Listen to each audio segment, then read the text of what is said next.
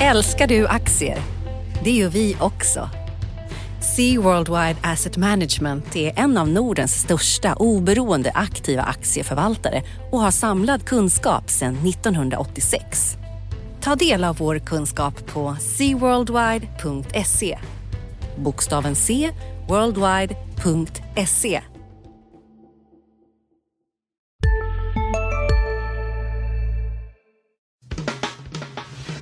Analyspodden från Dagens Industri. Erika Hallbäck, vad är Lendify? Lendify är en marknadsplats för lån mellan privatpersoner. Vi vill vara en allvarlig utmanare till storbankerna. Vi vänder oss endast till de mest kreditvärdiga låntagarna och vi har tillstånd från Finansinspektionen. Varför ska man låna ut pengar via er istället för att sätta in dem på banken? Hos oss får långivarna avkastningen och inte bara banken. Våra långivare har haft en genomsnittlig årsavkastning på cirka 7% Vi erbjuder ett alternativ till traditionellt ränte och aktiesparande. Vem står bakom Lendify? Några av landets främsta entreprenörer, bland annat Resursbank och Avito-grundarna och delar av Wallenberg och Lundin-familjerna. Tack Erika Hallbäck, investeraransvarig på Lendify. Hej allihopa och välkommen till Dagens Industris analyspodd eh, mitt i rapportsäsongen här så det blir extra spännande. Jag heter Ulf Pettersson och med mig har jag Martin Blomgren. Eh, god morgon Martin! God morgon, god morgon. Hur är formen? Den är ganska bra tycker jag. Jag är lite, lite förkyld men inte värre än att jag eh, står upp och kan läsa rapporter för fullt här. Eh, och hur är din form då? Oh, jag, tycker, jag är nog lite mindre förkyld än dig idag och eh, står också upp så att eh, vi ska nog kunna reda ut det här hyfsat i alla fall. Ja, 20 minuter i alla fall eller vad vi ska hålla på. Det är ganska mycket att prata om. Vad vill du prata om? Vad är för på agendan idag då? Ja, man kan väl, om man snurrar tillbaka bandet en vecka så hade vi förra veckan då en hel serie med vinstvarningar som gjorde att det skulle vara lätt att bli rädd. Det var fem stora vinstvarningar, bland annat Ericsson. I podden förra veckan så sa vi ändå att vi tror och hoppas att det är företagsspecifikt det mesta, att man inte behöver vara eh, så livrädd som, man, som det kan låta när det kommer fem vinstvarningar på ett bräde. Eh, och det, den bilden tycker jag faktiskt har bekräftats av rapporterna som faktiskt har kommit nu. Just det, för tittar man här så är vi faktiskt upp en procent i, i veckan här efter en, eh, framförallt en bra inledning på veckan. Och det har varit rapportperiod. Och jag håller med dig lite, mycket företagsspecifikt. Ska vi börja med Atlas som ändå är ett av eh, Stockholms bästa och därmed viktigaste bolag, inte mm. minst för att det är verkstad också som du har tittat på. Och dessutom är de ju numera först ut ofta av eh, de stora verkstadsbolagen också så att eh, de kan ge lite vägvisning för andra bolag. De kommer på torsdag ja, med en väldigt bra rapport får man säga efter förutsättningarna. Eh, den här oron kring gruvsidan som jag har hållit i hur länge som helst. Först på utrustning och sen så börjar man bli orolig för att även eftermarknaden, service och eh, reservdelar och förbrukningsartiklar skulle vika i våras. Bolag själva var tydliga med att de var lite osäkra på hur, var, var man stod i den frågan. Sen blev Q2 lite bättre än väntat och nu blev eh, Q3 totalt sett inte så mycket bättre kanske resultatmässigt, men däremot så är det, fanns det en hel del eh, ljuspunkter som är viktiga och en av dem är då att gruvsidan var det område som överraskade mest positivt både på orderingång och marginaler. Och de ser då att de här förbrukningsartiklarna eh, säljer ganska bra, vilket, vilket man kan tolka som att det är bra aktivitet i, eh, i kundernas gruvor.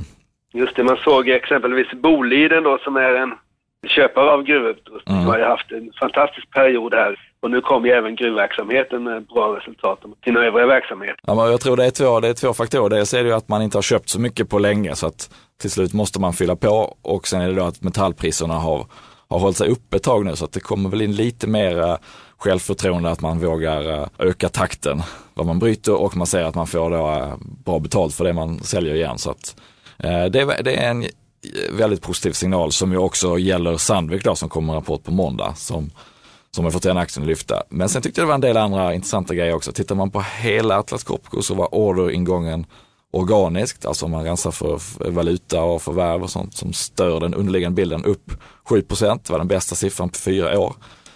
Eh, och en faktor i det är att de har köpt på sig då ett nytt affärsområde som de, som de bygger upp successivt som heter Vakuum den, inte, den följer inte riktigt samma cykler och det var en viktig anledning till att det gick bra. Så man ska inte dra för stora konjunkturväxlar på, på Atlas orderingång. Men eh, icke desto mindre upp i samtliga affärsområden. Det är upp också i alla regioner för deras del. Så att eh, en hel del positivt där och till och med de här stora industrikompressorerna som har varit eh, svårsålda under en längre period eh, gick faktiskt eh, lite bättre än tidigare. Så att eh, samma sak där, inte dra för stora växlar men, men ändå tecken på att det finns lite mer eh, självförtroende ute hos kunderna. Just det, och något annat om vi ska fortsätta med de positiva grejerna här i, i veckan då så eh, Betsson är ju ett annat bolag, liksom de här små, mindre klädbolagen som också har gått upp med eh, 10 både Betsson och de mindre klädbolagen, alltså i Kappahl och, och R&B och, och Ja. Molly då. Och det här Eh, sko, eh, skoföretaget eh, VRG gick ju som tåget, den var väl upp 50 eller något. Ja, men en gemensam nämnare i många fall är att de har varit väldigt nedpressade och i Betssons fall så kom de ju med en vinstvarning inför Q2. Så då skruvar alla ner förväntningarna ordentligt och sen kom de in bättre än väntat nu då och, det, och säger själva att det var, det var tillfälligheter i, i andra kvartalet. Det var inte en uthållig trend så att då är det inte så konstigt att aktien studsar upp. Nej, precis. Vilka, vilka bolag har du eh, satt tänderna i den här veckan då? Det har varit lite blandat här. Eh, Jag har ju tittat lite på bankerna som har varit, vi har ju fått in två hittills då, eh, SEB här och Handelsbanken. Bägge är ju faktiskt bättre än väntat, mycket kostnadsneddragningar och sådär, men reaktionen på marknaden har ju varit faktiskt ner på, på Ja, Båda rapporterna intressant. Ja, det är lite intressant och det är ju den här utdelningen, det som har hänt på aktiemarknaden tycker jag sista åren, det är ju att utdelningen har fått ett väldigt mycket mer ökat, det har blivit mycket mer ökat Mm. fokus på utdelning. Det var inte så ofta man snackade om utdelning förr i tiden. Jag kommer ihåg när jag träffade Wall Street Journal för det var 15 år sedan och så frågade de vad toppar ni tidningen med imorgon då? Vi hade någon slags träff och de bara "Ah, IBM ska sänka utdelningen. för första året. Jag tänkte det är väl ingen stor sak i utdelning men nu är det en stor sak och framförallt i, i bankerna då som har varit högutdelare och de som har delat ut mest tillsammans med teleoperatörerna. Och här är det lite osäkert. Handelsbankens VD, trots att resultatet var bra så, så var det och han ville inte alls säga någonting om utdelning. Vad det gällde SEB så har ju de en mycket lägre utdelningspolitik. De ska ju bara dela ut minst 40% av vinsten men man räknar ju med att de delar ut mycket, mycket mer här och det var inte några tydliga besked från Falkengren där. Och vi får väl se men det var ju underliggande var det ju väldigt starka rapporter. Det är ju intressant att se att de kan ta ner kostnaderna så mycket som de, som de gör här och de har ju tydliga program allihopa att de ska göra av med en viss kostnad i, i absoluta tal. Så jag tycker att eh, bankerna är ju, med reservation för Deutsche Bank och allt sånt där då, så, så är bankerna intressantare nu efter de här rapporterna som har kommit än, än tidigare. Eh, Men vi får väl se. Ja, och den här eh, stökiga marknaden då, både på valuta och, eller framförallt egentligen på valuta och räntemarknaden, kanske inte så mycket på, på börsen, är ju någonting som gör att de kan sälja väldigt mycket tjänster och produkter, riskhanteringsprodukter. Så att eh, de har ju, i SBs fall i alla fall, så var ju tradingnettot det som gjorde att de avvek uppåt, vilket kanske var en förklaring till att inte man som analytiker eller eh, på aktiemarknaden tyckte att det var riktigt den kvaliteten i, i resultatöverträffandet som man hade, hade kanske tyckt om det var räntenettot eller Nej, precis. Att, att va- va- valutastökigheten väl... Nej, det är inte det man liksom kan leva på uthålligt, utan man vill ju, man vill ju hellre säga att räntenettot och provisionsnettot är det som, som är bättre än man väntar. Och så ska man komma ihåg att alla bankerna har gått väldigt bra sen Brexit-smällen, så att det fanns ju lite fallhöjd att ta av i, i de här eh, aktierna. Jo, det fanns det. Det fanns det. Det håller jag med dig om. Eh, men valutor, jag tänker på den eh, kraftigt stigande dollarn som man ser liksom varje dag. Den är upp idag också. Vad sa Atlas om det där exempelvis? För det, det är någonting man skulle kunna köpa svensk exportindustri på att vi har en dollar som börjar närma sig 9 spänn. Ja, men så är det. Det var ju på väg, dollarn var ju på väg och från att ha varit en jättemedvind till att bli först ingen vind alls och sen lite negativt skulle det kunnat bli under slutet på det här året om, om det hade sett ut som det gjorde i våras när, när dollarn backade kraftigt. Men eh, nu är ju situationen tillbaka där att, att det snart kommer att bli lite medvind av, av dollarn. Sen tror jag väl, jag vill minnas att vår eh, kollega Mittelman, Henrik Mittelman skrev här för några veckor sedan att de här valutaeffekterna tenderar ju till att bli mindre och mindre eftersom man har lagt ut mer och mer produktion. Så det är inte, det är lite sådär, det är klart att det finns fortfarande kraftiga valutavinster då med tanke på att man ändå har mer produktion i Sverige än man säljer. Men, Mm. men likväl så är det inte lika stora effekter tror jag som Nej, över hela spektrat är det inte det, utan det är ju kanske skogsbolag då som har eh, väldigt fast produktion i, i Sverige eller Norden och där produkterna inte, även om de inte säljs i USA så prissätts de i dollar och då, då blir ju marginalen eh, underbar. Något annat då? Eh, Assa Abloy har, har kommit in här. Eh, är det något som du har hunnit titta på? Jag har hunnit eh, flukta lite på den och som vanligt så avviker inte resultatet speciellt mycket och det var redan varnat för att det skulle bli lite eh, tufft i Kina, det har de sagt tidigare och det, så, så blev det också det en organisk minustillväxt på 12 procent i Kina. Eh, men aktien faller en hel del faktiskt och eh, det verkar som att, att man stör sig lite på att de, eh, de skriver tillbaka då en, eh, eh rörelseresultatet i, i Kina med 260 miljoner. Jag har inte riktigt hunnit borra mig ner i det här men det är Kina-kopplat att man drar ner eh, tidigare rapporteringar, så de här 260 miljoner. Sånt är ju lite läskigt men det behöver ju inte vara något, eh, något uppseendeväckande egentligen. För det är ju en, eh, en speciell marknad men det tror jag bidrar till den här lite mer negativa reaktionen än vad det brukar vara. Plus att, att man ska komma ihåg att Assa Abloy har varit en älskling på börsen länge och värderas till ett P-tal på 23-24 i år. Och det är liksom inte så verkstadsbolag brukar eh, noteras till, utan de har fått väldigt bra betalt för att de är stabila, har en stor eftermarknad, har lyckats göra eh, förvärv, kompletteringsförvärv som de fortsätter med och växer med en väldigt stabil marginal. Eh, det, det älskar man ju i ett läge där räntorna är låga och, och det är... Vi är specialister på det vi gör, precis som du. Därför försäkrar vi på Swedea bara småföretag, som ditt. För oss är små företag alltid större än stora och vår företagsförsäkring anpassar sig helt efter firmans förutsättningar. Gå in på swedea.se företag och jämför själv. Sista dagarna nu på vårens stora season sale. Passa på att göra sommarfint hemma, både inne och ute och fynda till fantastiska priser. Måndagen den 6 maj avslutar vi med Kvällsöppet i 21. Välkommen till Mio. Vajar på andra håll så har Assa Abloy liksom blivit ett, uh, det stabila alternativet och då har man vågat höja värderingen mycket. Och sen har vi haft Ericsson, till slut kommer ju rapporten då, den riktiga rapporten. Det var ju vinstvarning förra veckan. Just det. Nu kom rapporten, aktien faller ytterligare lite till. Jag har inte själv tittat så mycket på det. Har du hunnit? Uh, ja, jag har läst den uh, en och en halv gång i alla fall. Uh, det är ju, ja, siffrorna fick vi ju se då, men där finns ju en del en del annat. Jag tycker att det här kassaflödet, som jag nämnde det i någon tv-sändning vi gjorde här, att, att man får vara försiktig nu med kassaflödet. Och det var ju rejält svagt här. De har alltså ett eh, nettokassan är nere på 16 miljarder. Och det, har de inte varit sedan eh, nyemissionen 2002. Så mm. vi får väl se här. Och nu ska ju då fjärde kvartalet normalt sett bli ett bli ett bra kvartal, men eh, med tanke på att Frikammaren har flaggade ganska seriöst här i rapporten att, att Q4 kommer bli svagt här, så får vi väl se. Jag tror det är det som sänker aktien ytterligare en bit idag, som också är ju att, att det liksom inte, att Indien är svagt, det har varit en ganska viktig marknad och sen så har vi det här med det det är ju egentligen, Ericsson har nu lika mycket omsättning på sin eh, servicesida servicesida, på sin nätverkssida. Och vad det gäller servicesidan så tjänar de ju pengar där då och de hade lite omstruktureringskostnader och sådär. Men tittar man jämfört med eh, andra kvartalet, där omsättningen var lika hög som tredje kvartalet, så är det en en eh, resultatnedgång där då på ett par 300 miljoner. Så det, det här, det fanns liksom ingenting, ingenting som kunde liksom förklara och eh, så att säga göra aktiemarknaden gladare i rapporten nu jämfört med vinstvarningen vi fick se för en vecka sedan. Så jag tror det är lite mer här, eh, eh så får vi väl se här, det man vill man vill ju inte ha en nyemission här och det tror jag inte kommer förrän de har en ny VD heller för det är inte så att att de måste, men, men kassaflödet är så pass svagt så att det är det som sänker aktien en bit till här tycker jag. Mm.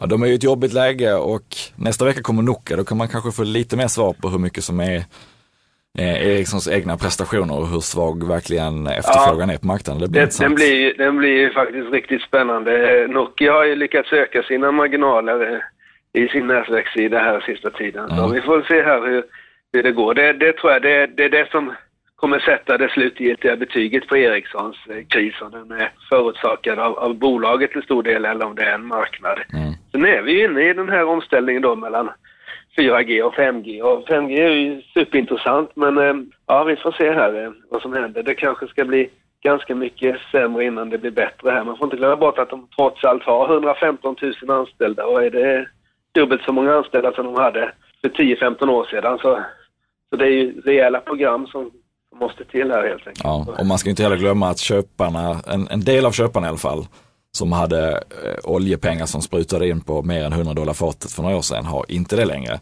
Så att dels eh, kan ju de här statliga, statligt drivna operatörerna, de håller, kan ju hålla igen för att inte de har samma finansiella muskler och när de väl börjar köpa så kanske de eh, säger att visst, vi kan köpa lite till men eh, inte till det priset som, som vi betalade förra gången utan det kan ju bli en, både ett vakuum i efterfrågan och ett, en prispress när det väl börjar ta fart lite. Så att eh, jag håller med där, det kan, kan ju bli värre innan det blir bättre och samtidigt som man då är i en vd-lös situation så, Ja. så är det ju ett otroligt tufft läge för Ericsson.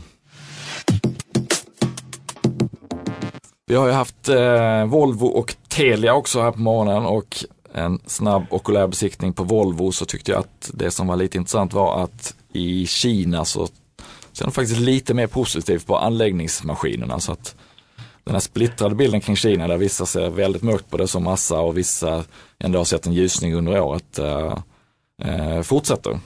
Ja, och sen så är det ju den här eh, USA-marknaden då som, som faller på last, Ja. lastvagnar och nu skulle de tydligen eh, stänga, eller inte stänga, men de skulle väl ja, stoppa produktionen här en del Q4 för att komma, komma till rätta med en del lager där. Och det, Ja det verkar ta lite tid innan eh, lastbilsmarknaden vänder upp i USA. Men å andra sidan så går det ju, jag tittade på siffrorna, det går bra i Indien och sådär. Så det, det, tillväxtmarknaden verkar liksom vara lite fart. Ja, och det är stora slag i, i den nordamerikanska marknaden för tunga lastbilar och jag, jag uppfattar det som att den här eh, siffrorna, ordersiffrorna som kom nu var inte värre än då man väntat. Man visste att det var en stor, stor nedgång. Det, när det väl bromsar så bromsar det ordentligt och sen så tar det fart.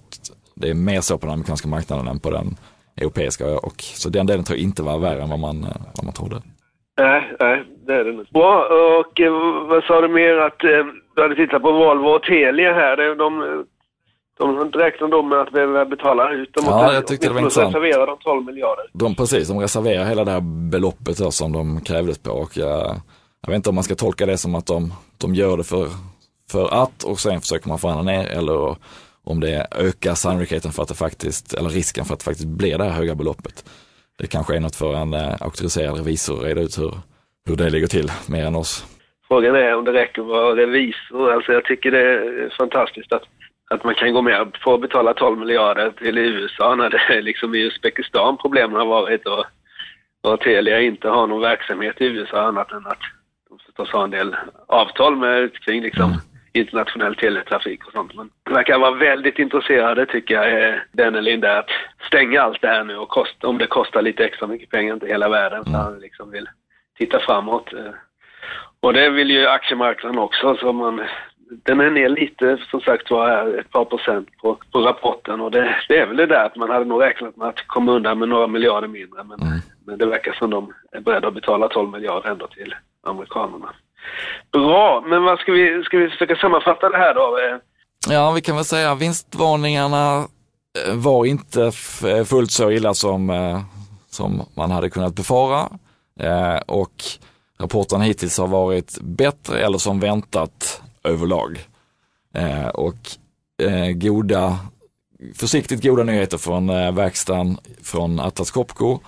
Eh, Det är först nästa vecka som det stora sjoket med verkstadsbolag kommer och Atlas tillhör ju eh, eliten i det här fallet så man ska inte ta för givet att de andra lyckas lika bra, men ändå positivt. Och eh, om vi ska peta in en grej till som hände i veckan så var det ju så att Haldex som är på väg uppköpta tappar sin vd till Indutrade. Just jag var det. lite intressant. Det är lite intressant. Och det, Mm. det har ju liksom bäring på många saker. Det är ju liksom, ja att, att Indutrades VD Alvarsson skulle sluta här var väl liksom inget över. Även, det var ju inte känt att han slutade nu då, men han har ju flaggat ganska tydligt för att han som hade nått pensionsåldern och Ja. sådär. Jo, det har gjort ett fantastiskt jobb. Men att Haldex VD skulle komma, det där sätter ju som Haldex-budet i en intressant... Eh, Haldex styrelse har ju liksom... De måste ju nästan sälja bolaget nu. Det är ju fantastiskt jobbigt att, att de backar bandet och börjar köra på för egen maskin när de har tackat ja till bud här några gånger och har blivit av med sin VD under resan och sådär. Så det öppnar upp möjligheterna för att Haldex blir sålt och att aktien inte steg på den där nyheten tyckte jag var lite märkligt. För jag tycker att nu kanske man inte ska göra den typen av rekommendationer men det här budet som ligger från Knorr Remse på 125 spänn tycker jag sannolikheten för att det kommer gå igenom ökade ganska Mm. dramatiskt när eh, Anvik. Bo på Halldäcksbo för lämnade bolaget. Så jag förstår inte att den handlas 5-6 procent under. Nej, jag håller med. Ha, eh, Bo Anvik måste ju ha dragit slutsatsen att vi kommer med stor sannolikhet bli uppköpta och då är det då går det inte att tacka nej till det här andra erbjudandet. Och man ska komma ihåg att Indutrade som är ett lite kanske anonymt bolag för allmänheten är uppe på en, eh, ett börsvärde på 21-22 miljarder och eh, Ja. det, det är ju liksom tre, fyra gånger, eh, fem gånger mer än Haldex. Så att det är ett mycket större bolag men eh, det är också ett bolag som inte är operativt på samma sätt utan de har ju som en flotta av dotterbolag som får sköta sig själva så länge de sköter sig bra. Så att eh, det blir intressant att se hur han eh, hanterar det, det uppdraget som inte alls är samma sak som att springa på verkstadsgolvet och, och trimma, trimma en verksamhet utan här handlar det om att hitta nya säljare av företag som, som ska sälja sitt familjeägda bolag.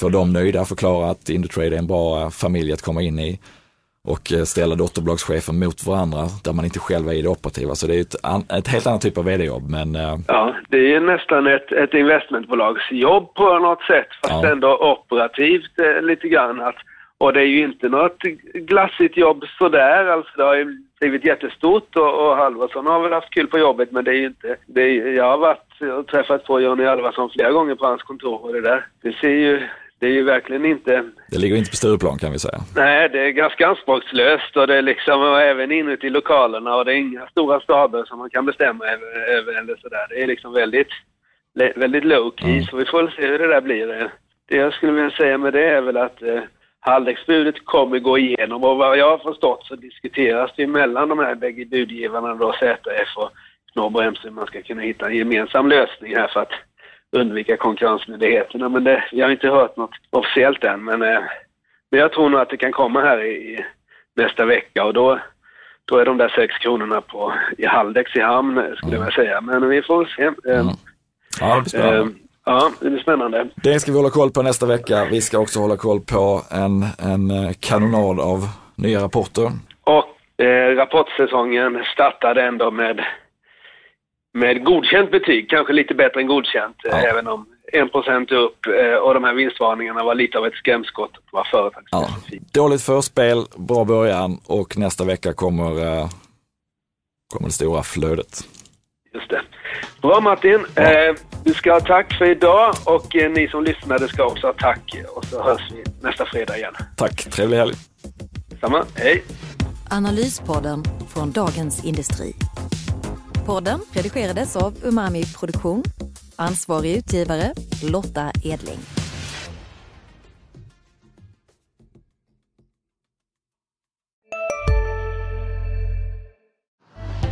Älskar du aktier? Det gör vi också. Sea Worldwide Asset Management är en av Nordens största oberoende aktiva aktieförvaltare och har samlad kunskap sedan 1986. Ta del av vår kunskap på seaworldwide.se. Bokstaven C, worldwide.se